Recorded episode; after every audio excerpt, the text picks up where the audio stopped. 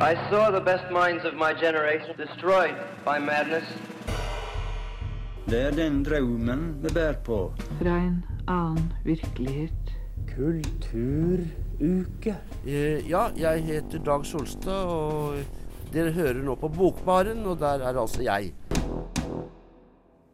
Velkommen tilbake til Bokbaren. Og det er så passende at det er Dag Solstad som sier velkommen tilbake. Fordi det er Dag Solstad vi skal snakke om her på Bokbaren i dag.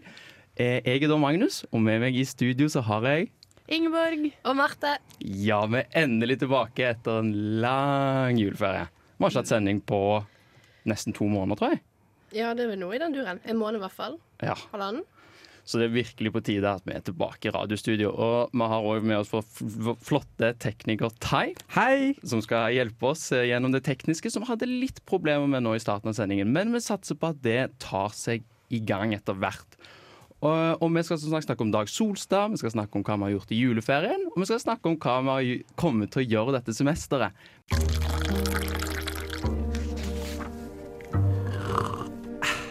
Du lytter til Bokbarn. Ja, jeg håper du sitter der og har en god kopp kaffe på denne søndags ettermiddagen og hører på oss her i Bokbaren.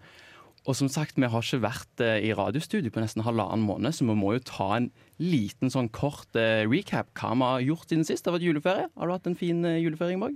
Det har jeg. Jeg har vært hjemme på Hamar. Ja. Veldig koselig. Veldig julete, for det er masse snø og veldig kaldt.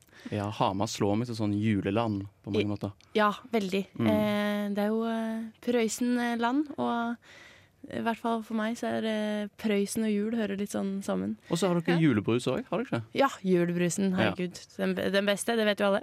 Um, OK. Ja, uenig Vi, faktisk. vi, vi, for, bare for å å være helt sikre på at eh, det jeg sier stemmer, så har vi ingen sånn spørreundersøkelse hos lytterne våre om Mm. hvilken brus de liker best. Nei. Og ellers så har jeg eh, vært litt grann i Skien, i Ibsens by. Oi, ja, ja. Um, og en eh, svipptur til Oslo for å feire nyttårsaften. Prøvd å lese litt eh, bøker, men eh, man har jo aldri så mye tid som det man tror man har, selv om det er Ja, jeg herlighet. Hva Ja. med deg, Marte? Ja, nei, jeg har hatt en flott jul, jeg. Dro hjem. Uh, var med familien. Og uh, jeg har uh, for første gang på Jeg, husker, jeg kan ikke huske sist jeg leste ferdig en bok på to dager. Oi. Men det gjorde jeg i løpet av juleferien, og jeg var så stolt av meg selv. Wow, hvilken bok var det, da? Den, å, Nå husker jeg ikke forfatteren, men den het The Hating Game. Ok. Eh, var den bra? Det Ja. må ha vært ganske bra ja. og medrivende hvis du klarte på to dager. Du ble så Mm. hekta. Den var underholdende. Jeg føler det er to forskjellige ting. Okay. Um, den, den ga meg det jeg ville ha. Det var en klassisk sånn romansebok. Sånn vi jobber sammen, hun hater han. De er nødt til å jobbe liksom med hverandre og se hverandre hver dag. Og så plutselig så bare er det noe som klikker, ikke sant. Og så wow. Ja, sant. Men uh, det var veldig rar pacing i den boken. Det var sånn fire kapitler inn, og så klinte de en heis. Jeg var litt sånn Hvor er oppbygningen? Mm, ok. Um, men hvis du vil bare ha noe helt enkelt og greit, så kjør på. Ja. Nice bok. Ja, men det er veldig deilig med bøker som liksom og Selv om det kanskje ikke er verdens dypeste budskap, da, sånt, men at det Mm. er så altså, underholdende sånn at eh, du uh, har lyst til å lese videre. For at eh, jeg hadde en samtale før jul om at det er mange år siden, eh, føler jeg egentlig. Eller det kommer i hvert fall ikke ofte at jeg får den følelsen at sånn, hvis jeg får en ny bok mellom hendene, og så klarer jeg ikke legge den fra meg Mm. før jeg er ferdig. Og noen ganger så er den jo på 100 sider, og noen ganger er den på 500 sider. Men liksom, jeg føler det er veldig lenge siden jeg har hatt en sånn opplevelse, da. Ja. Og det er noe veldig tilfredsstill- tilfredsstillende med det å på en måte bare starte på en bok, og så være i det universet totalt, Mm. og så gå ut av det igjen. Ja. Uh, ja. Jeg, Ja, ja, for det var, jeg tror det var det som også hjalp sånn. Jeg kom inn i en sånn flyt. Og det er Mm. så digg når du på en måte bare For av og til så merker jeg når jeg leser bøker, at jeg tenker på alt mulig annet mens jeg leser. Og så er det sånn Nå har jeg ikke helt fått med meg hva som skjer, men bare kom helt inn. ja, Det var sant. nice. Hva med deg, Magnus? Eh, nei, jeg har òg hatt en veldig fin jul. Vært i Stavanger veldig lenge. Vi reiste tidlig tilbake og var der. Så var jeg en tur i Sverige og feirte nyttår i Göteborg og var litt i Stockholm. Det var veldig stas. Og så har jeg vært eh, ja, i Trondheim her og begynt så vidt med masteren. Prøvd å bestige det høye fjellet som ligger foran meg. Det har vært litt tungt. Eh, og jeg hadde litt sånn som deg, Ingeborg. Man tenker jo man skal lese masse bøker i julen, men så skjer det jo så mye. Man skal møte venner, man skal møte familie. Det er alltid noe som skjer. Mm. Så det var først egentlig når jeg kom tilbake til Trondheim, da fikk jeg lest mye. Og da hadde jeg litt sånn som deg, Marte, at jeg tror jeg, jeg hadde en dag der jeg husker jeg, jeg leste halvannen bok, faktisk. Bare lå i sengen. Bare våkna opp, tok kaffe, ble liggende i sengen, lese, lese, lese. Det var helt fantastisk å på en måte bare forsvinne inn i bøkene. Det var, det var på tide. Uh, så alt i alt en veldig uh, fin jul. Uh, og som sagt, som jeg nevnte tidligere, så skal vi egentlig snakke om Dag Solstad i dag. Eh, ja, jeg heter Dag Solstad, og dere hører nå på Bokbaren, og der er altså jeg. Ja, han er jo kanskje ikke i studio med oss, men så nærme det kommer er Dag Solstad i Bokbaren i dag. Eh, og Ingeborg og Marte, hva var deres forhold til Dag Solstad før dette? Um, vi har hørt han på jinglene våre. Ja, absolutt. Ja. Har du lest noe, eller? Nei. Nei? Ingeborg? Uh, jeg føler at jeg hadde sånn uh, Litt sånn bæra forhold til Dag Solstad, men jeg har aldri lest en bok av han. Nei. For det er sånn, du øh, Altså, du vet jo hvem det er, kanskje selv om du ikke liksom er kjempelitteraturinteressert, fordi han har solgt såpass mye bøker i Norge og vært mye i media øh, de siste, i hvert fall siste ti årene da, med nye bøker. Mm. Eh, men jeg har aldri lest en bok, så det er veldig sånn Jeg har på en måte en slags sånn respekt, men jeg vet ikke hvorfor jeg har det, fordi jeg har aldri lest en bok, så jeg har på en måte ingenting å eh, bygge på en måte det her eh, tanken min om at han er en sånn storhet på, da. Nei. Før nå. For nå det er jo sånn typisk man møter. Ja, sant. Og, og besto, besto det testen, vil du si? Eh, Besto respekten etter du hadde lest? Ja, eh, det var Ja, eh, delvis. Og jeg tenker vi kommer nærmere inn på det senere i sendinga, da. Ja. Men jeg kan skjønne hvorfor han på en måte har fått et uh, navn. Mm. Uh, og altså, når jeg ser på bilder av Dag Solstad uh, og leser om boka, så er det mye som henger sammen. på en måte Han, Ja. er, han er en skikkelse, da. Det er akkurat det. Han er virkelig en skikkelse. Og det er sånn som du sier, bare man, ha, bare man har på en måte fulgt litt med i media og sett Dag Solstad én gang, så har man veldig mange tanker knytta til han, føler jeg. For han, han er jo en særegen person. Både sånn utstrålingen og stemmen hans, som vi hører her på jinglen, den er, den er noe, noe helt eget. Og vi som studerer litteratur, han er jo på en måte blitt Han blir jo fremstilt som eh, Norges største nålevende forfatter. Og det er han jo på mange måter òg, så han blir jo Han er jo kanonisert selv om han ennå lever. Han er da 80 år i fjor, så det var jo litt sånn fest, eh, festår for Dag Solstad i fjor. Eh, jeg har annet med meg en sånn artikkelsamling som ble gitt ut eh, i anledning at han var 80 år. Og han skulle egentlig komme til Litteraturhuset nå i Trondheim i januar, som en del òg for en hyllest, da. Men det ble dessverre utsatt til juni. Eh, så vi må vente litt med å se Dag Solstad. Men han er altså 80 år, født i 1941. Uh, og har egentlig vært forfatter siden 1965. Da ga han ut en novellesamling, 'Spiraler'. Herregud, det er lenge. Ja, det er lenge, ja. Og han er jo det altså, Jeg har lest litt i denne artikkelsamlingen og fra han var 15 år og leste Knut Hamsun. Da Oi. fant han ut da skulle han bli eh, forfatter. Eh, og at eh, det, det traff han så hardt at siden så har han hele tiden i hvert fall hatt eh, i perioder en idé om at han skal skrive for andre 15-16-åringer og på en måte prøve å gi den samme opplevelsen som han fikk av Hamsun.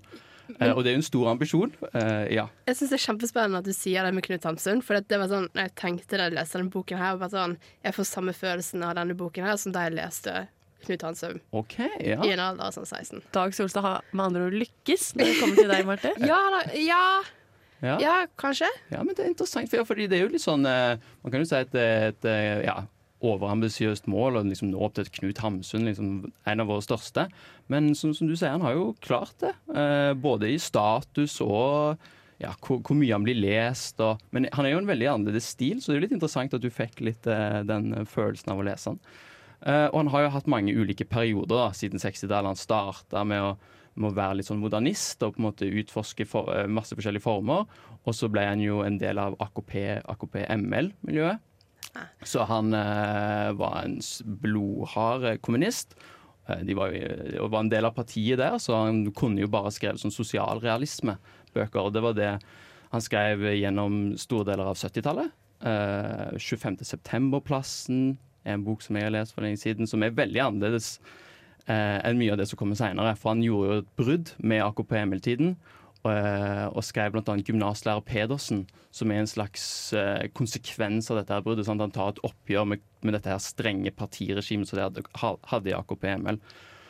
Og så kommer han inn på 90-tallet, og da er det jo veldig mange sånne desillusjonerte menn. eh, sånn som vi har eh, lest om, Bjørn Hansen i 11. roman bok 18.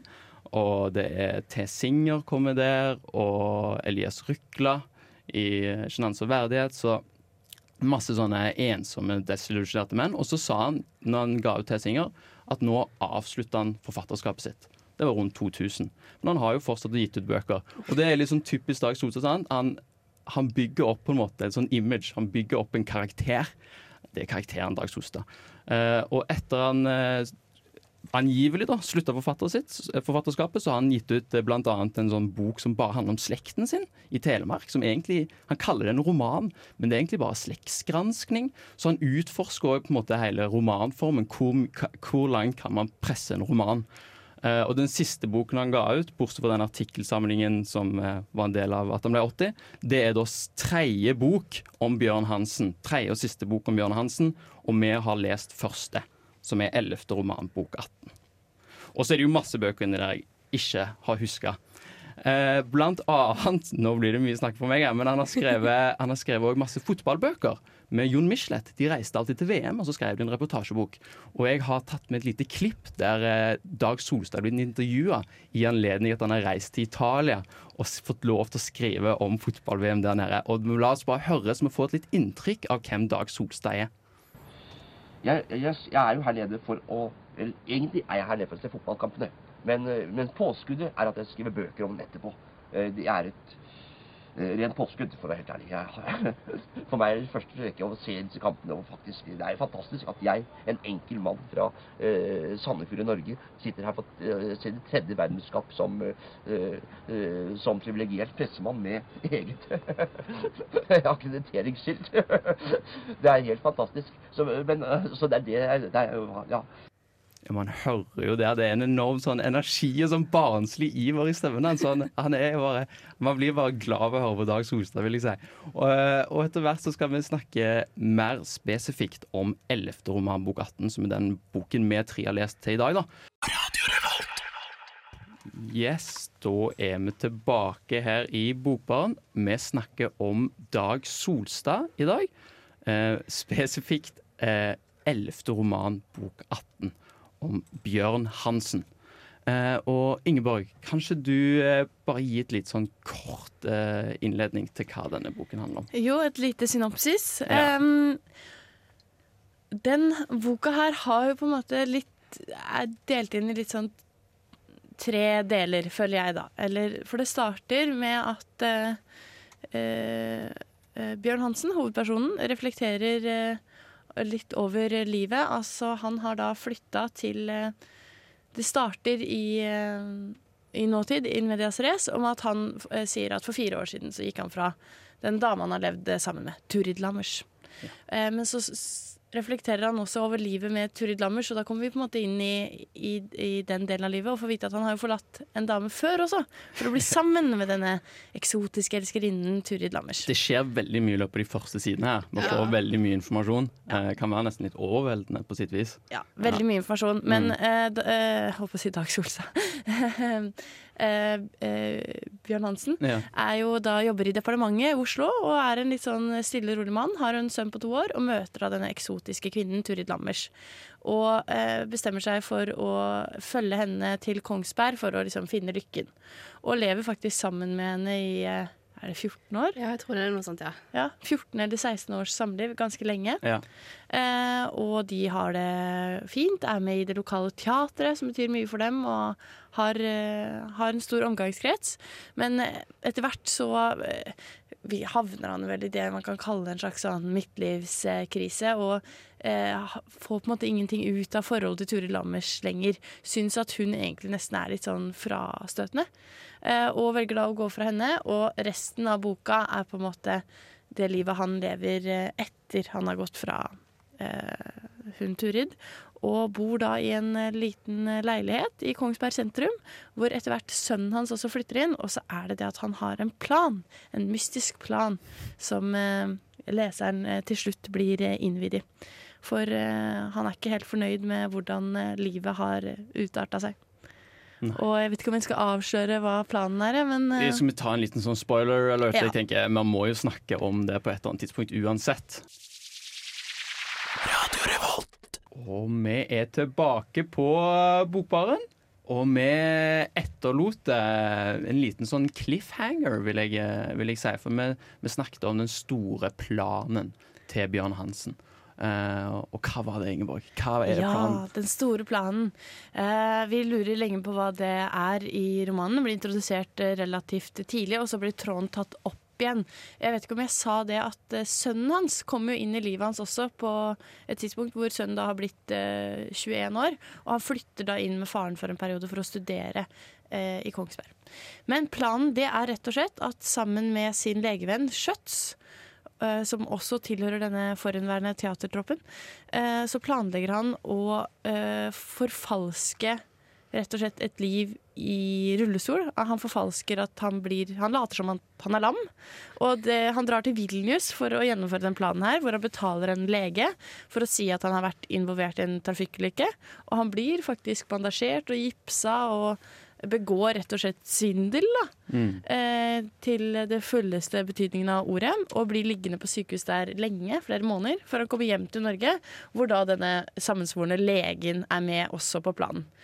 Og ja, det er rett og slett en, eh, the, the grand scheme. Han eh, skal late som han er lam for resten av livet. sitt, eh, sitt store ikke, som han kaller det, eller virkelig, virkeliggjøre sitt nei med stor N. Og det er jo absolutt det. Det er et stort absurd nei. Ja. Eh, veldig, veldig rare greier, altså. Et opprør egentlig mot den, det livet han lever, da, som han syns er veldig meningsløst. Altså, han gjør, jo det her i et forsøk på å måte gi tilværelsen noe mer. Mm. Og det er jo på en måte egentlig ganske sånn paradoksalt, fordi man tenker jo eller Det er jo det som er diskusjonen, at hvis man havner i rullestol, at på en måte Ja, man, men livet er fremdeles meningsfullt, at man, det på en måte er nesten en kamp mot å leve det livet man allerede hadde gjort, men han går på en måte i motsatt retning. Han gjør det for å fylle et slags sånn Ja. meningsrom. Så det, det er jo en provoserende handling. Enormt provoserende og, og merkelig greie. Ja, og det er liksom av alle ting du kan gjøre i 50-årskrisen. Så liksom Ja, nå vil jeg sitte i rullestol. Skal ikke sykle Kanskje- Birken her, eh, eller eh, Ja, det, det er så mye annet man kunne gjort. ikke sant? Bli med i en MC-klubb. Ja, eller liksom løpe et maraton. Det, liksom, det er så mye annet. Og så du drar til Vilnius for å bli lam. Jeg sliter liksom litt med å ikke bli lam engang. Du, du skal late som at du er det. Det men jeg, jeg merker at jeg sliter litt med å på en måte skjønne motivasjonen til Bjørn Hansen gjennom hele boken, egentlig. Ja. Men det er en av de tingene jeg syns er veldig spennende, for han later jo som han er lam ø, overfor ø, alle andre rundt seg. Ø, og hva er motivasjonen, som Marte sier. Men han er jo også lam for overfor seg selv når han er i enerom. For på slutten av boka så er det et punkt hvor han reiser seg for å gå på do hos en venn når han er på middagsbesøk, for han syns det er så flaut at vennen skal løfte ham på doskåla og sånn. Eh, og vennen har jo da gått tilbake til stua. Men så reflekterer Bjørn Hansen over at det er første gangen på mange måneder at han faktisk har reist seg. Så når han er i enerom også, så lever han som lam. Så det er på en måte ikke bare en slags maske, det, er, altså han, det har blitt en livsførsel for han. Da. Han er trofast mot den illusjonen, Ja. uh, virkelig. Så det er jo kan man jo si, beundringsverdig på sitt vis, Uh, selv om handlingen i seg sjøl er kanskje det helt motsatte av beundringsverdig. For Ja. det, det er jo det er så rart. Altså, Det gir jo veldig mening. Det virker som at han på en måte har virkelig tatt tid til seg. For altså, Gjennom hele boken så føler jeg at han virker veldig handlingslammet. At han er veldig Lammet. Ja, um, Jo, men han, han drar jo fra kone og barn um, for å bli sammen med denne elskeren sin. Og dra til Kongsberg for å være med henne. Og så, Han forteller jo om alle de tingene som han gjør i Kongsberg, er jo bare en tilfeldighet. Han får denne jobben som kemner ved en tilfeldighet. Han blir med i dette teateret som tilfeldighet. Altså, Han tar jo ingen av valgene sine aktivt selv, så han er jo plutselig handlingslammet, og så bare blir han det fysisk òg, på en måte. Ja, det, Samtidig ikke. det er veldig interessant, for det har jeg ikke tenkt på. Men sant, det er at det er bare en, sånn, en, en videreføring egentlig av hans tilstand hele veien, ja. Det er et ganske interessant poeng. Og så er han veldig opptatt av sånn, det er ytre ting som skal gi han mening, da. Altså sånn, han tar det Altså, han føler seg litt eh, stuck i den situasjonen han er i, så han eh, følger etter eh, Turid Lammers. Og så slutter det å være interessant. Og så vil han ha en ny teateroppsetning. De spiller bare operetter. Han vil ha Villanden. Så, han, altså, så han, han går på en måte Søker ytre faktorer som skal gjøre livet interessant, men så går han lei av de på et tidspunkt. Så i og med at det er en romanserie, da, så er det interessant å vite om han eh, noen ganger reiser seg eh, Noen gang Ja. kommer til å reise seg fra stolen. Jeg har jo lest både 17. roman, som er den andre, og den tredje og siste romanen om Bok Hansen, så jeg kan etter hvert komme litt inn på hva som skjer videre.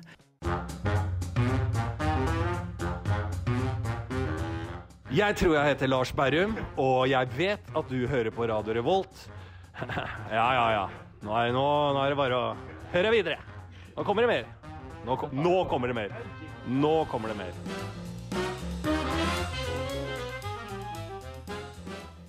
Ja, og du hører på Bokbaren, og vi snakker om 11. roman, bok 18 av Dag Solstad, og Bjørn Hansen sitt store ikke. Altså at han setter seg sjøl i rullestol. Og du nevnte, Marte, at, eh, at gjennom egentlig hele boken så er det vanskelig å forstå hva som driver Bjørn Hansen, hva som motiverer han. Eh, var det såpass eh, vanskelig at det ble lite tilfredsstillende å lese boken? Følte du at han var bare en sånn rar fyr du aldri forsto deg på helt på? Ja, det har vært veldig mye fram og tilbake på hva jeg syntes om, om karakteren hans. Um, fordi at um, du, du, du møter han i en sånn midtlivskrise hvor um, Veldig mye fram og tilbake. Og så er det sånn spesielt dette her med Han søker denne jobben fordi at Turi eh, Lammer sier at 'Å, se på denne annonsen. Det hadde kanskje passet noe for deg.' Og så er han sånn 'Ja, jeg kan vel prøve'. Um, og det samme med teater òg. Sånn, å, ja, jeg kan jo prøve. Det virker som at han um, veld... Ja. Jeg la også merke til det i valg av studie. For sånn I min ungdom så var jeg veldig interessert i kultur og eh, arkitektur og liksom alle disse store tingene, men han fant ut av at det er ikke noe å hente der. Jeg følte du deg truffet da? Litteratur og sånne ting var her. Ja, Det var ikke et levebrød man kunne leve av, det var en hobby på siden. Ja, det var liksom sånn Ingen ja, jobber i den bransjen, du kan ikke leve av den hobbyen. Jeg bare Ja, her er jeg på mitt eh, fjerde år i mastergraden i litteraturvitenskap. Ja da.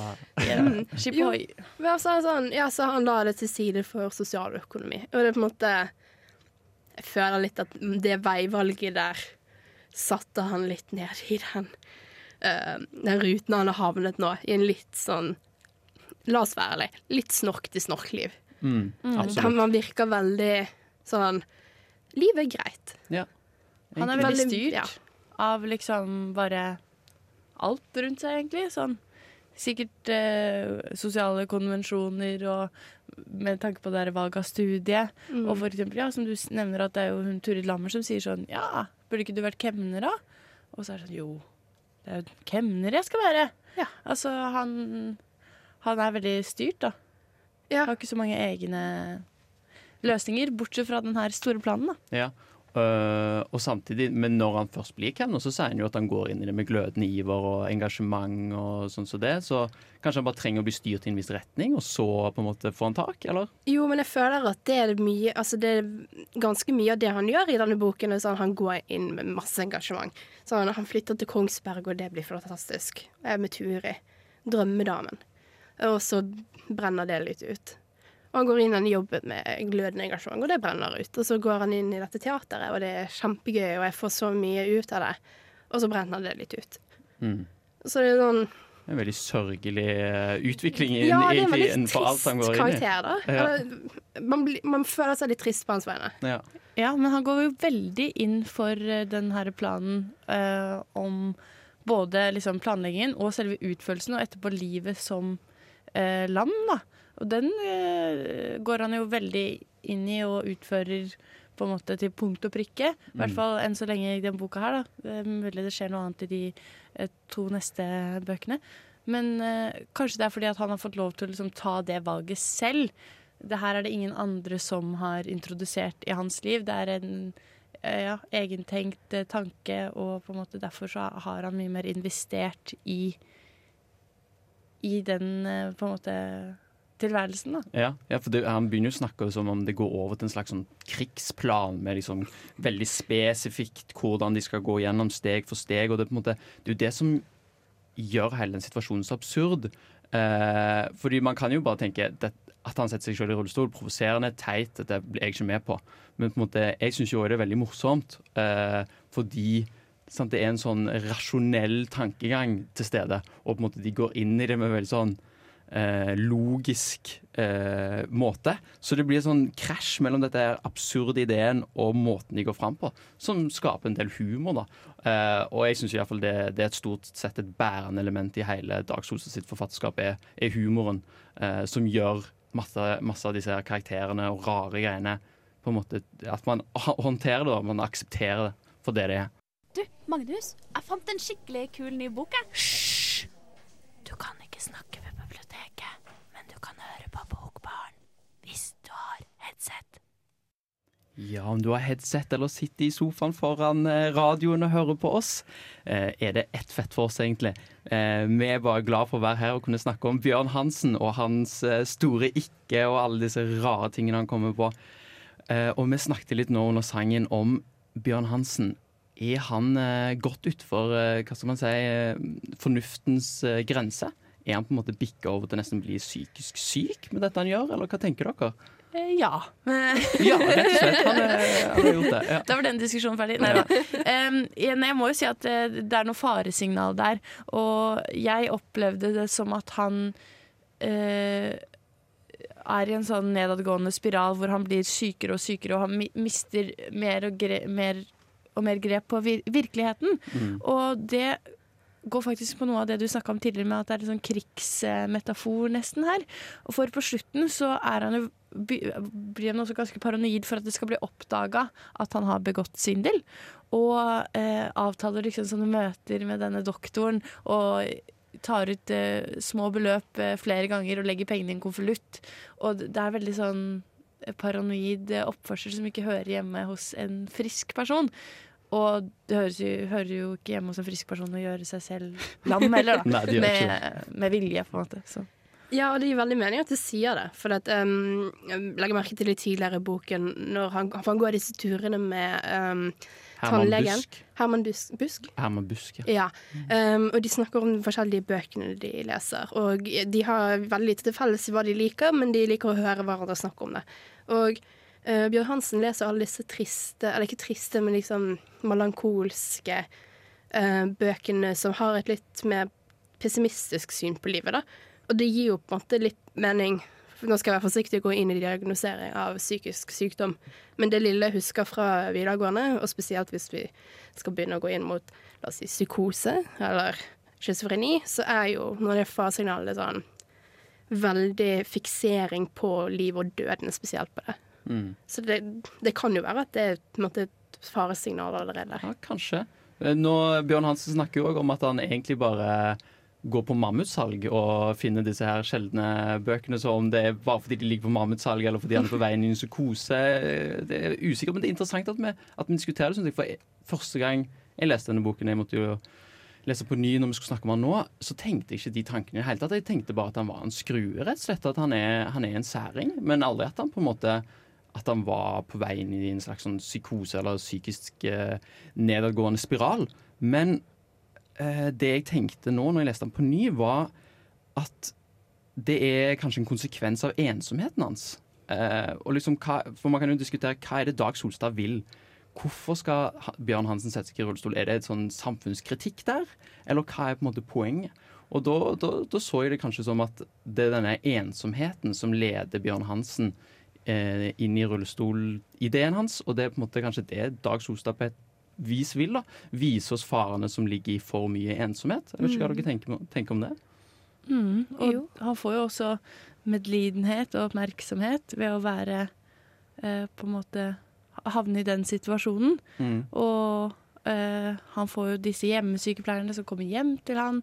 Han får jo veldig mye mer eh, sosial omgang, faktisk, av å ta det valget. Han gjør jo det, faktisk. Ja, for også, han er jo også, veldig mye alene før den tid. Han har disse ukentlige middagene, eller ikke middagene, men turene med ja, tannlegebusk. Men Men ja, han er lite, også det, det var, fordi han sitter jo på en måte i sin egen leilighet, og så kommer han der doktoren Schultz, som er narkoman. eh, en lege som tar godt av sitt eget, eh, sitt eget eh, legekammer. Eh, og så begynner han da å på en måte ut bare Plutselig, den ideen kommer jo veldig plutselig. At han bare sitter i sine egne tanker og, og, og babler i vei. Det er derfor jeg tenker denne ensomheten og på en måte leder han inn på en eller annen rart spor. da. Ja. Ja, jeg har et spørsmål, fordi at eh, jeg reagerte veldig på det der når han karakteriserer den legen som roman, narkoman. Roman. um, er det Altså, det er jo vårt syn av denne legen gjennom Bjørn Hansen sine øyne. Og er Bjørn Hansens øh, øh, beretninger kredibile? Ja, er han troverdig forteller? Er han troverdig? Mm. Jeg får jo ikke inntrykk av at den legen her egentlig er narkoman. Jeg får at det er en sånn forestilling, paranoid forestilling som Bjørn Hansen har. Ja, for jeg Oi, måtte ja. lese disse sidene flere ganger, for at jeg jeg ble litt sånn Det kom ut av det blå for min del. Ja. Det var ingenting som tilså Og det kan jo være at vi ikke på en måte ser så mye av legen før han begynner med disse møtene, men jeg sto der og satt der og var litt sånn Hæ? Hva baserer han dette på? Ja, ja, og den beslutningen kommer sånn veldig plutselig, veldig konkret. Å, ja, måten han sa det på. Han prøver å fortelle meg at han er narkoman. Eh, det er litt som at eh, Alien prøver å fortelle meg at eh, jeg er eh, Guds sønn på jorden. Men han sier jo rett ut på en måte at Han sier jo rett ut òg at eh, han Schultz kommer på, på sånn nattlige besøk og er på en måte tydelig rusa. Eh, det, står, står ikke det i boken at det, at det skjer. Og at han kommer på en måte Han er alltid sånn på et helt annet sånn plan enn han er i jobben sin, at, det, at han er tydelig rusa. da. Eh, men det er interessant å stille spørsmålet er Bjørn Hansen en troverdig forteller eller ikke. Eh, fordi det, Når han får denne ideen, så begynner han jo på en måte å nøste opp i ting som har skjedd tidligere, at det forklarer oppførselen. Og den er egentlig ikke helt med på. Fordi han begynner sånn, ja, Det er derfor han springer på ski oppe i disse heiene. og sånn, Men selvfølgelig, han kan jo bare gå på ski hvis, han- hvis han føler for det. Nei, det, det er vanskelig å si. Hei, jeg heter Johan Harstad, og du hører på Bokbaren. Før låten her i Bokbaren så spurte vi spørsmålet Er mm, Bjørn Hansen en troverdig forteller, eller eh, ja, burde vi stole på han? Og vi kom vel fram til at man kan se det begge veier. Men du er litt i tvil, Ingeborg, om eh, han er en eh, troverdig forteller. Ja, eller jeg følte at perspektivet skifta litt i løpet av boka. Eh, For man har jo ganske Dag Solstad bygger opp en sånn tiltro eh, til, eh, fra leseren da, til Bjørn Hansen ved at han er en godt utdanna mann. Han er belest, han nevner jo flere av disse bøkene, har store bokhyller. Eh, Og også det at han er veldig sånn reflekterende i, i alle situasjoner. Så man føler at man er med på resonnementet hans og tankegangen hans. Og sånn føler man jo at man er med på, på måte, avgjørelser også. Men så er det noen av disse avgjørelsene som gjør at han ikke har så stor troverdighet. Eller sånn at jeg begynner å eh, betvile hans troverdighet. Og det er veldig spennende grep fra Dag Solstad. Det gjør jo spennende å lese. eh, og at man blir nysgjerrig på karakteren. For eksempel er som vi var innom eh, litt tidligere i sendinga, at han bestemmer seg for at noen er narkoman på måten de sier en ting på. Mm. som er veldig spesiell. Og så også i forhold til sønnen sin, så trekker han Begynner disse resonnementene å bli litt sånn uoversiktlige og lite troverdige, syns jeg i hvert fall. Ja, for vi må komme inn på, på dette med sønn. Fordi én ting er jo at han, eh, Bjørn Hansen kan virke som en ganske sånn eh, dårlig menneske og provoserende med å sette seg selv i rullestol. Men han er jo òg helt forferdelig mot sin egen familie der i starten. Men man, man glemmer det nesten litt, fordi det er på en måte bare en sånn perifer del i begynnelsen av boken, eh, som er utenfor dette her Kongsberg-universet. Men han, han forlater jo kone og barn rett og slett på dagen for å reise med elskerinnen sin til. Kongsberg. Det er jo ganske brutalt og grusomt. Uh, ja, kan, vi, kan vi tåle det? Kan vi akseptere det? Hva tenker dere? Blir dere provosert av det? For jeg blir ikke, Sykt nok så blir jeg ikke provosert av det på et eller annet vis heller. Ja, Jeg burde jo mhm, ja, jeg har jo Jeg sliter litt med å på en måte skjønne Nei, ikke det, men jeg Skal vi like han? Jeg skjønner ikke helt det. Jeg sliter med å like han. Jeg liker han. Eh, jeg tror, altså, jeg, men, men sånn som jeg sa, jeg vet ikke om jeg burde det, på en måte. Han er jo en idiot på, på, på sitt vis, men det er jo noe sånn Man får sånn omsorg for han, og han har, han har sin humor. Han er på en måte Ja, han er litt sånn eksentrisk og spennende, da. Ja, jeg liker, jeg liker veldig godt det her eh, detaljnivået hans og de her litt ville resonnementene. Og det minner meg jo om min favorittkarakter, Elling. Og Ja. Elling er jo ikke helt um, Han har jo sine eh, psykiske problemer, han også. Eh, Så det er kanskje derfor jeg har assosiert så mye til at uh, Bjørn Hansen lider av noe av det samme. Ja. Men uh, ja, for der har du jo det er en der- veldig morsom karakter. Ja, sant. Det er en morsom karakter. Og bare apropos Elling, for det har jo du snakket om tidligere, Ingeborg, at der ble jo du sånn Det tok ganske langt ut i boken før du forsto at han faktisk eh, egentlig ikke er helt fungerende, da. Eh, men man får ikke et så tydelig sted i boken som det skjer her, i alle fall at man plutselig ser alt med et annet blikk. Det, det tenker jeg ikke. Nei, det er mer subtilt. Ja, mer subtilt. Og Elling er for de som kanskje ikke har lest boken. Ville bare Ja, ja. Em, eh, Elling er eh, en eh, eh, karakter av Ingvar Ambjørnsen, også norsk forfatter, og jeg tipper at han er jo sikkert inspirert av Dag Solstad. Ja. eller sånn Han har jo garantert lest De har sikkert lest hverandre, og ja. Uh, men det handler da om en mann i 40-årene som har eh, Vi får aldri noen diagnose, men han har vel en form for autisme, eh, og går ekstremt inn i ting, opp i ting, henger seg opp i detaljer, trekker ulogiske slutninger. Og noe av disse trekkene som eh, kjennetegner Bjørn Hansen, da, men i mye mer eh, utagerende og større grad. Mm. Jeg merker at noe av det som provoserer meg med Bjørn Hansen, er hvordan han legger veldig mye ansvar over, over på andre for å liksom Jeg vet ikke om han mener det, at han har lyst til at de skal fikse han, men i hvert fall gi han litt mer substans i livet. Sånn, han legger mye ansvar over på tur i Lammers, og så kommer sønnen inn i bildet, og han legger mye ansvar over der. Og så i løpet av den kvelden hvor han eh, hvor sønnen har vært ute og utforsket og alt sånt, så han sier liksom allerede at 'jeg liker han ikke', 'jeg liker ikke måten han snakker på'. Og det er litt sånn Blir litt provosert av det, for det er akkurat sånn som du sier, at han, han forlater sønnen sin i en alder av to, og så møter han sønnen i løpet av en to ukers periode om sommeren hvert år til han fyller 15, eller noe sånt, og da kommer han ikke lenger. Og da er det sånn Du har ikke gjort så veldig mye innsats for å bli kjent med sønnen din, Nei. og for å em, påvirke hva for en mann han vokser opp til å bli. Og da blir det litt sånn Du har vært med han i seks timer nå, ikke det engang. Og du har allerede bestemt deg for at du ikke liker han. Ja, men kan jo ikke si det. Man kan ikke si det om sin egen sønn. Det er jo ikke lov. Nei. Og så er det også det at uh, han syns det er så fælt at sønnen ligner så mye på han, i og med at han ikke liker han. Ja. Det er jo en Oh. punkt der hvor han gjør noe, og så sier han sånn Og han oppfører seg sånn med mine ansiktstrekk!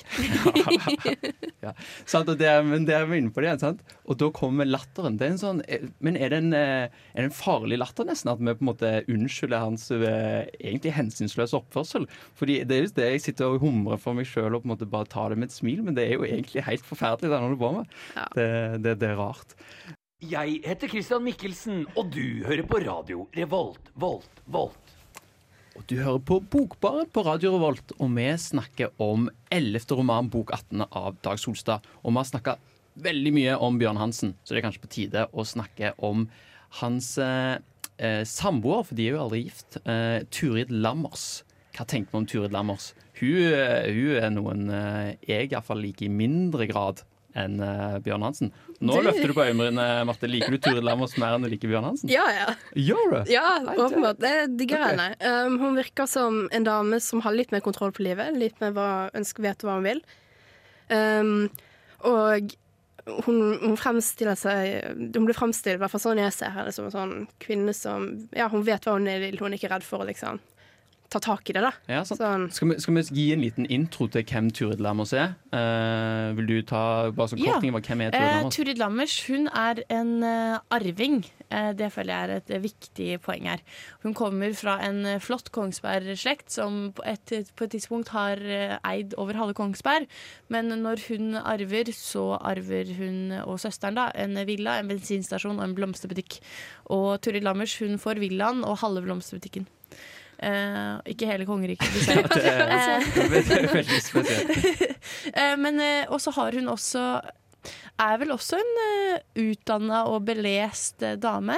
Har uh, studert og bodd i Frankrike i sju år, uh, noe som tiltrekker Bjørn Hansen veldig.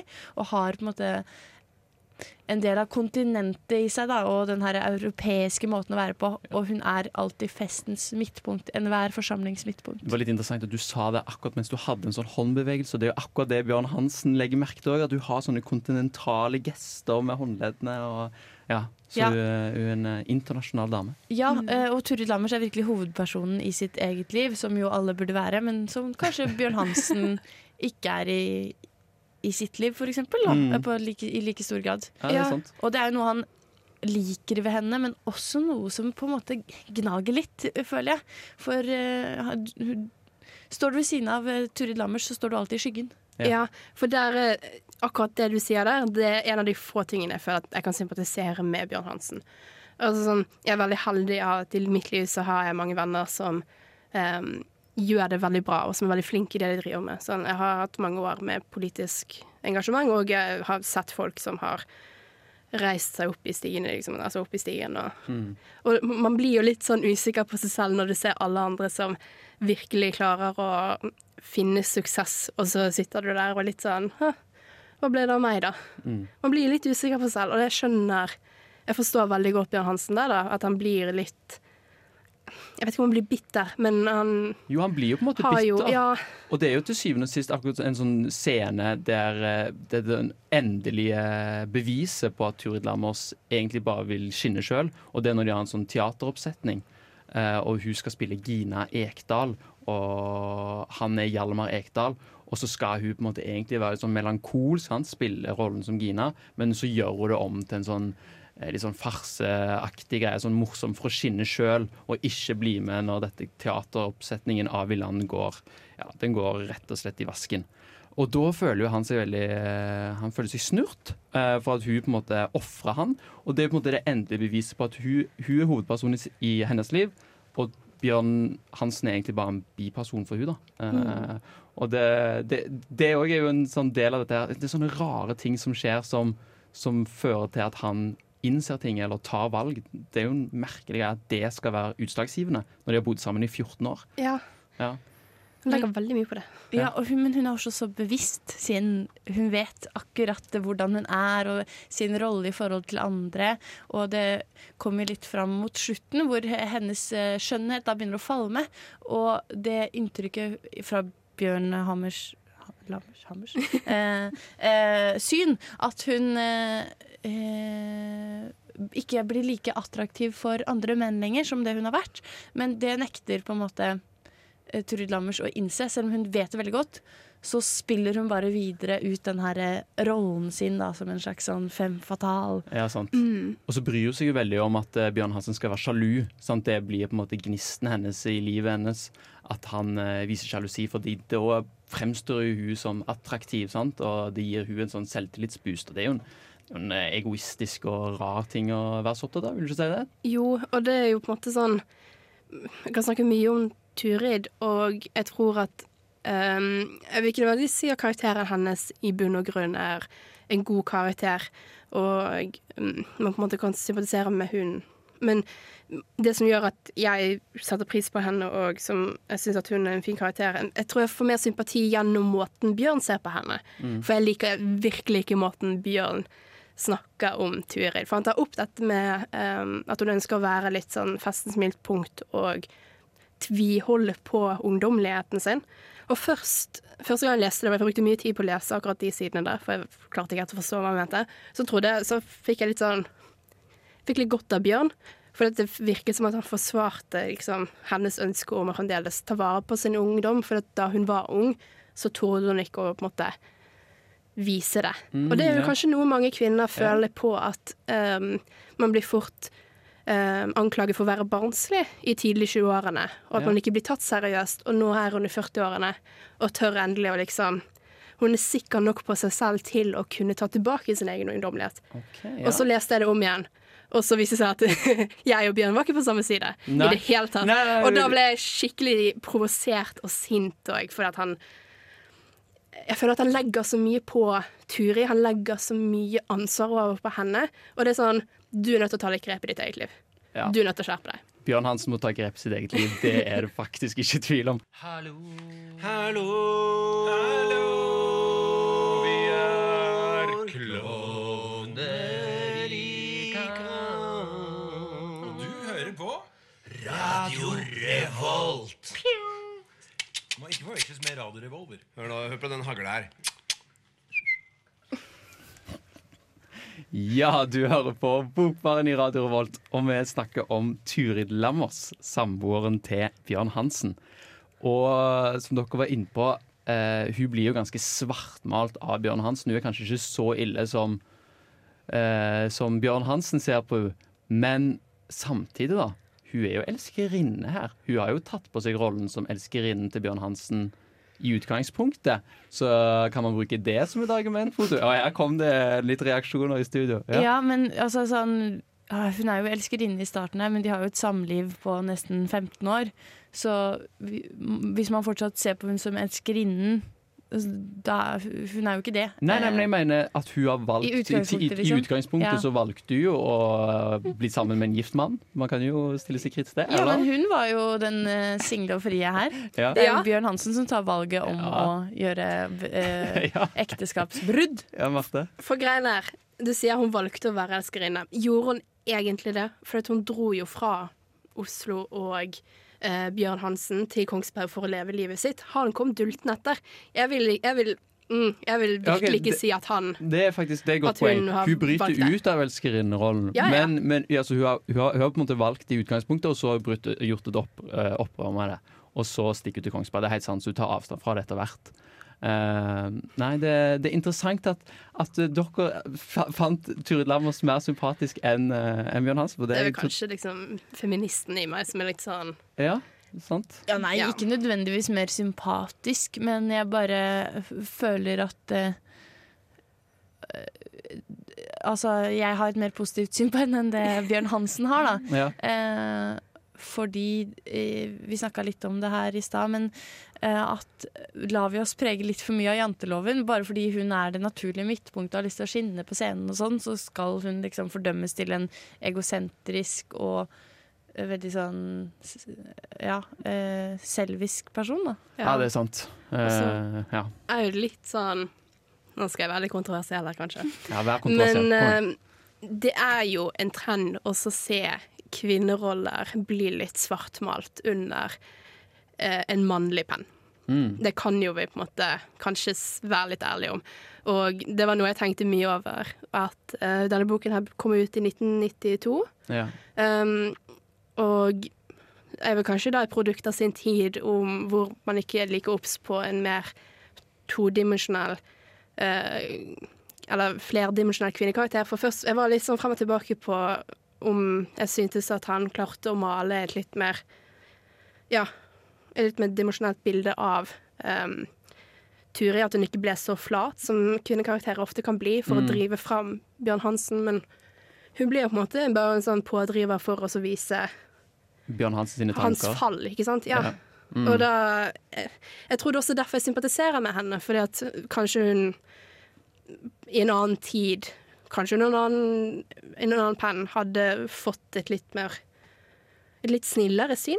Kanskje. Uh, Bjørn, Hans, nei, Bjørn Hansen sier Dag Solstad fortsatte jo gjennom hele 90-tallet og fram til i dag å bare skrive bøker med mannlig hovedkarakter. Uh, og han har, jo, han har jo blitt stilt spørsmål om det, hvorfor, hvorfor det er så mannsdominert uh, romanunivers han har skapt. Eh, og jeg husker ikke helt hva han svarte akkurat på det, men han, han snakket om dette om kvinnelige lesere. Og Dag Solstad han var helt sikker på at han hadde Norges beste kvinnelige lesere.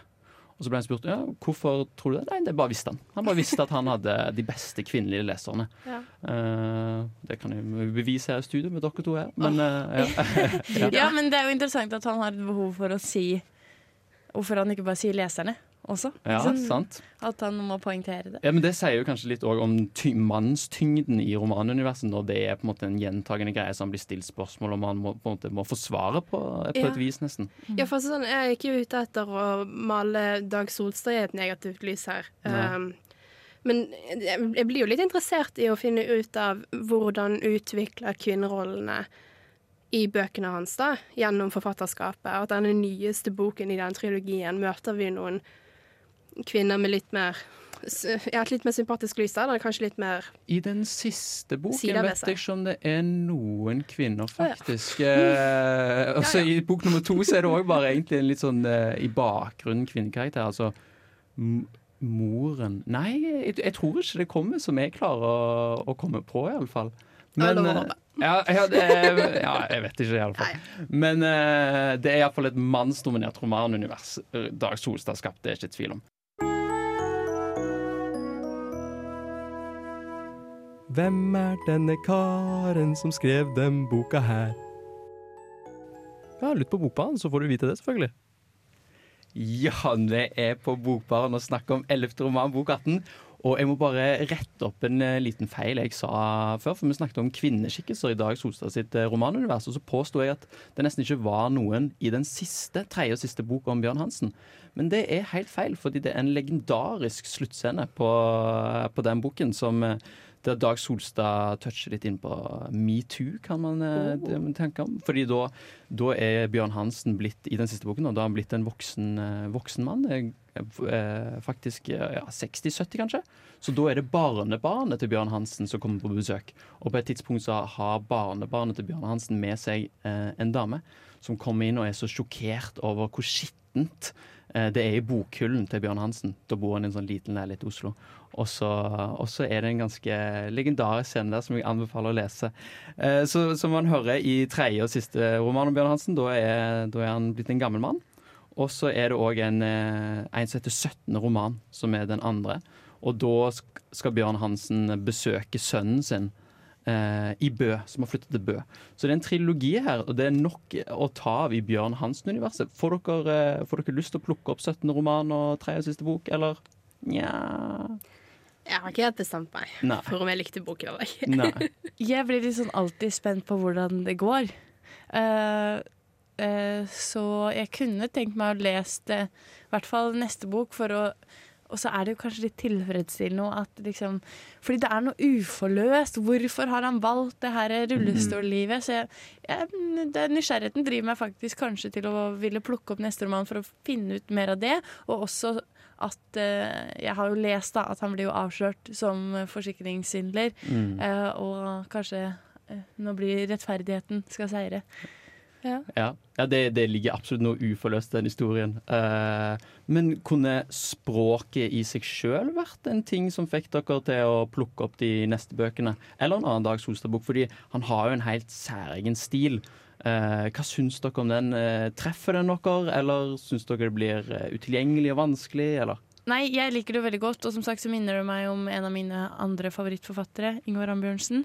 Eh, og jeg, syns språket er eh, kjempeinteressant og spennende, og det var kanskje noe av det jeg likte best i boka. Ja. Og Hva er, det du, hva er det du liker best med det? på en måte? Hva er det som Nei, fenger deg med det? det er jo på en måte det her repetative detaljnivået. Altså sånn, Mm. Han ser på mange situasjoner på flere måter og går veldig ofte tilbake til det. Uh, og uh, har en veldig sånn eh, gjentagende på en måte struktur da, i, i språket, som jeg liker veldig godt. ja, sånn, sånn underfundig måte å bruke gjentagelser på òg, fordi eh, det, det kan nesten føles litt sånn eh, for mye til tider. også, Sånn at han, gjentagelsene kommer. Men hvorfor gjentar du dette? Men, men han klarer å gjøre det på en måte at jeg blir nysgjerrig, sånn som du sier, istedenfor lei. At eh, det, det pirrer nysgjerrighet i større grad. Føler, man føler virkelig at man er på innsiden av noe, noens hode. Det er veldig Det er skrevet nesten som en sånn Altså man kan Det føles nesten ut som sånn virkelighetslitteratur fordi at det er så Virkelig. At du føler tank... Det er jo sånn man kjenner seg igjen selv, at tankene går sånn. Mens det er jo ingen som skriver sånn eh, egentlig. Altså sånn Han er jo veldig bevisst språket fordi han velger å gjøre det på en måte som skal framstille innsiden av eh, noens eh, Mm. eh, hode. Ja, de er veldig monologiske. Og så ja. er det jo en ganske sånn interessant med tegnsettingen, og det er ganske sånn oppstykka små setninger. Og, og de er jo veldig lekne. Er en lekenhet og en humor som, som skinner gjennom i språket òg. Eh, hva syns du om språk, Marte? Likte du det? Mm. Eh, tidligere i sendingen så sa jeg jo at jeg følte jeg kunne se litt eh, likhetstrekk mellom Sult og Hamsun og Ja. um, denne boken her. Um, og eh, hm, det er ikke nødvendigvis en positiv ting. Em, for jeg føler at alt dere, det som dere nevner her med disse gjentagelsene det treffer ikke meg. Jeg klarer ikke å bli fanget opp i det. Um, jeg la merke til sånn de 60 første sidene. Det var en kamp å komme gjennom. Um, og det var ikke før på en måte det ble litt mer handling med at sønnen kom til byen og til um, disse planene med Dr. Schjøtz, at det var sånn Nå er det spennende. Nå begynner det også å løsne. Så han, han, han klarer å på en måte Noen av gangene så funker det veldig bra hvis det er ting som skjer, og det er noe du kan følge med på, men når det blir en sånn indre monolog av eksistens, Mm. da faller jeg av. Da blir det, det blir for mye for min del. Ja. Og jeg tror det funker Jeg kan være enig i at sånn, det kan bli for gjentagende og repetitivt. At liksom, det er sånn han, litt handlingsløst. Men jeg syns det funker i og med at det er så kort eh, format på boka.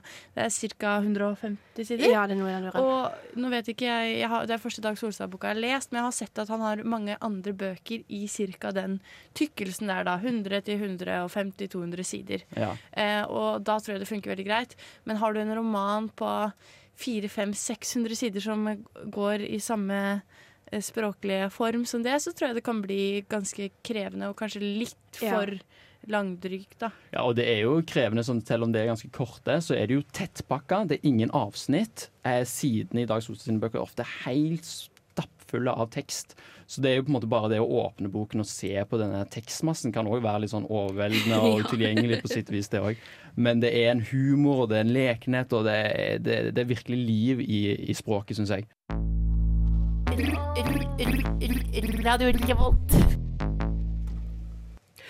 Da er vi tilbake her i eh, Bokbaren, og vi, vi skal egentlig eh, pakke Dag Solstad og 11. roman Bok 18 litt sammen for denne gang. Og sånn som jeg har forstått det på dere to, så er dere litt sånn ambivalente om dere eh, likte det eller ikke, om dere skal fortsette å utforske Solstad. Jo, kan du gjøre det? Altså, Kan gjøre det. Mm. Ja, lengden på boken gjør det mer appealing.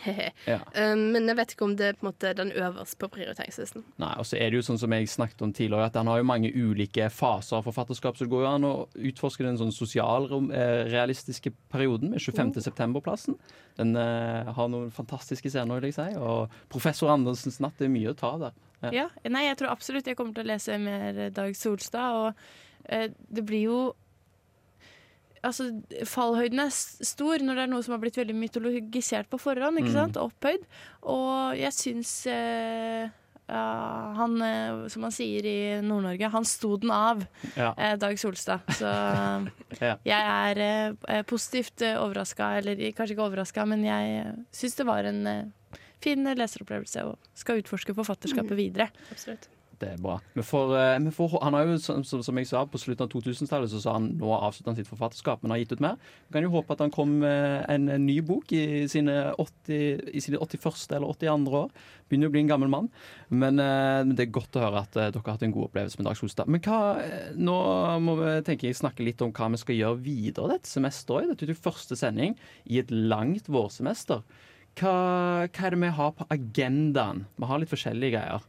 Ja, vi skal ha en eh, lyrikksending. Lyrikksending skal vi Og ha. det har vi jo ikke hatt eh, tidligere. Vi har snakka om romaner og noveller i stor grad. Har vi, vi har nesten ikke snakket om noveller heller, faktisk. Nei, vi hadde Olga Torkatsjuks eh, novellesamling. Det hadde vi faktisk. Ja, det er Eh, og så hadde vi vel noen noveller i julesendinga vår. Eh, type sånn Karens jul og ja. Ja. Eh, og så skal vi ha Black, i en sending i forbindelse med Black History Month. Mm. Ja. Da skal vi lese The Color Purple. Mhm. Så blir det litt valentines-stemning etter det. Vi har vel ikke det. helt uh, satt i sten hva som skal leses, men det blir noe saftig der. Ja. Og det blir noe romanse. Mm. Og så skal vi ha krimsending i forbindelse med påske. Ja, vi har et lite mål om å kanskje få til noe eh, hørespill. Ja. Påskekrim-hørespill med Bokbaren. Det hadde vært veldig stas. Ja. Og så skal vi ha en sending i forbindelse med Pride. Ja, Ja. det skal vi.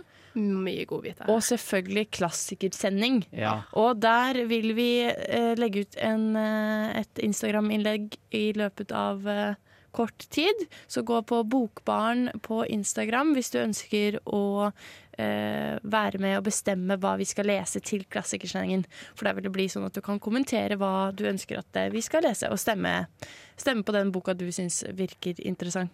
Og som vanlig så vil vi gjerne at du lytterne våre skal følge oss mens vi leser.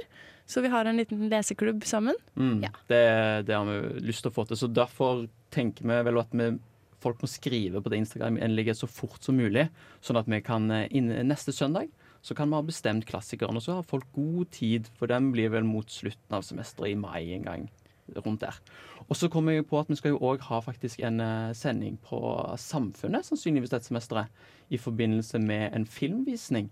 Fordi de har jo en filmklubb på Samfunnet som er iallfall inne i dialog der om å prøve å få til et eh, samarbeid, sånn at vi har en livesending i storsalen, rett og slett. Det hadde vært Mm. veldig stas hvis vi fikk det. Ja, det blir mye gøy å følge med på. Bokbaren. Mye kult. Jeg heter Hans Olav Brenner, og jeg syns at det er et slags eh, minstekrav til et oppegående ungt menneske å høre på Bokbarn. Helt enig med Hans Olav Brenner. Det er et minstekrav. Og nå har du jo hørt på Bokbaren i snart to timer, hvis du har hørt på radioen. For det glemte vi nevne i begynnelsen, men det er jo en forandring fra, fra sist semester. Vi har dobla sendetid. Så det, wow! Ja, det er Så mye tid. Ja, det er veldig Så mange analyser. ja, det er, kjempe, det er kjempegøy. Man får snakke i mye mer detalj om bøkene. Og så må vi jo ha litt faste spalter, som vi hadde sist semester. Da hadde vi jo lesetipsspalte. Det må vi ha dette semesteret òg. Så vi avslutter denne sendingen med å ha lesetips. Ingeborg, hva er ditt eh, lesetips? Ja, eh, en bok jeg leste i jula på eh, oppfordring fra en eh, venninne som er veldig glad i denne forfatteren, og det var Gå-boka eh, av Thomas Espedal, eller Gå eller kunsten å leve et vilt og poetisk liv, som er Oh. full tittel. Eh, og den utforsker liksom det her vandremotivet i eh, litteraturen, og tar, eh, tar deg med gjennom en sånn fysisk eh, vandring, men også eh, pensler inn på kjente forfatterskap som f.eks. Eh, Rousseau. Eh, så det er en veldig spennende bok, og det er jo det som kalles for virkelighetslitteratur. Så eh, han har blitt sammenligna med f.eks. Knausgård, så han skriver på en måte om sitt, sitt, sitt liv, da. Ja, jeg har ikke lest den boken, men eh, jeg har lest 'Imot kunsten'. Jeg tror det er en scene der som Thomas Espedal eh, en sånn spesiell scene at han og, skriver om at han og kona ligger i sengen og leser Knausgård. Og begge er bare sånn Han kan ikke skrive det. Og så sitter han og skriver virkelighetslitteratur. Det er, det er litt en morsom eh, parallell, det. Men kult. Gå eller kunsten å leve et vilt og poetisk liv. Marte, hva er ditt uh, lesetips? Uh, nei, har, hvis dere lesere, lyttere har lyst, så kan dere være med på min uh, litt tunge mot oppoverbakke som er å komme seg gjennom stolthet og fordommer. Pride and prejudice, Oh. if you will. Så hvis du ikke har lyst til å lese klassikere, så kan du lese den sammen med meg. Ja. Og det er en ganske lang roman. Så ganske Ja. stort prosjekt, eller? Ja, eh, den har, jeg har vel prøvd å lese den de siste to-tre årene, så jeg tror jeg må bare liksom akseptere at de første liksom 200 sidene som jeg har kommet meg gjennom, at jeg må gi litt opp der og prøve på nytt igjen. Ja. Eh, for jeg har jo fått litt info fra f.eks. Ingeborg at eh, hun er egentlig veldig morsom, Jane Austen, så jeg tror jeg skal prøve å legge litt mer merke til det. Ja. Så ja, jeg har satt meg et lesemål for eh, 2022. Jeg skal lese 15 bøker. 15 bøker? Ja, jeg har satt det lavt. Ja, men Det det, Det, er mer enn mange, det. ja, absolutt. Og så har jeg òg Nå skal jeg oute meg selv på, på radio, veldig kort. Ja. Uh, jeg skal òg få ned TikTok-tiden min okay. til fordel for lesing. Ja. Um, så dette er hardt. Men akkurat nå, denne uken her, så har min daglige gjennomsnittlige tid på TikTok vært to timer og 16 minutter. Oi, oi, oi. Den skal ned. Jeg tenker jeg skal prøve å få den ned til um, et sted mellom 45 og en time. Det burde jo være Ja, så siste episode, da skal dere få høre hvordan det går. Men det er jo en del boktips eh, på TikTok òg. Jeg har også satt meg et eh, lesemål, og det er på 40 bøker. Og eh, det er jo mye grunner til at jeg faktisk studerer litteraturvitenskap, så jeg får noen gratisbøker der, altså. Ja. Så du, jeg syns 15 bøker var et veldig bra mål, jeg, Marte. Og jeg føler at mitt er litt hårete, men vi får se hvordan det går. Stay tuned. Må lese masse korte bøker på slutten av året for å klare det. Jeg har ikke et sånn konkret lesemål, men jeg, jeg har tenkt rundt de baner. 40 burde jo, burde jo være passe. Og så har jeg begynt med Goodreads, så det er jo litt sånn motiverende Ja. for, å, for å få lest mer. Bli venn med oss der. Ja, bli venn med oss på Ja, Goodreads. Ja, absolutt. Uh, og mitt uh, lestips, da vil jeg faktisk si um, uh, Jeg hørte nettopp på lydbok 'Dagdrivergjengen', eller 'Tortilla Flat' av John Steinbeck. Det var, et, ja, det var en frydefull lesning, eller lytting, rett og slett. Morsom, varm, lun historie som eh, forteller om noen man vanligvis ikke møter i litteraturen så ofte. Eh, ja, så det anbefales på det sterkeste. Og så vil jeg bare takke for at alle har hørt på i dag. Og så vil jeg si en stor stor takk til teknikeren vår Tai. Bare hyggelig. Og så kom ned her på kort varsel og hjalp til. Tusen, tusen takk. Ha en strålende søndag. Du lyttet nettopp til en podkast fra Radio Revolt. For å høre flere av våre podkaster, gå inn på radiorevolt.no.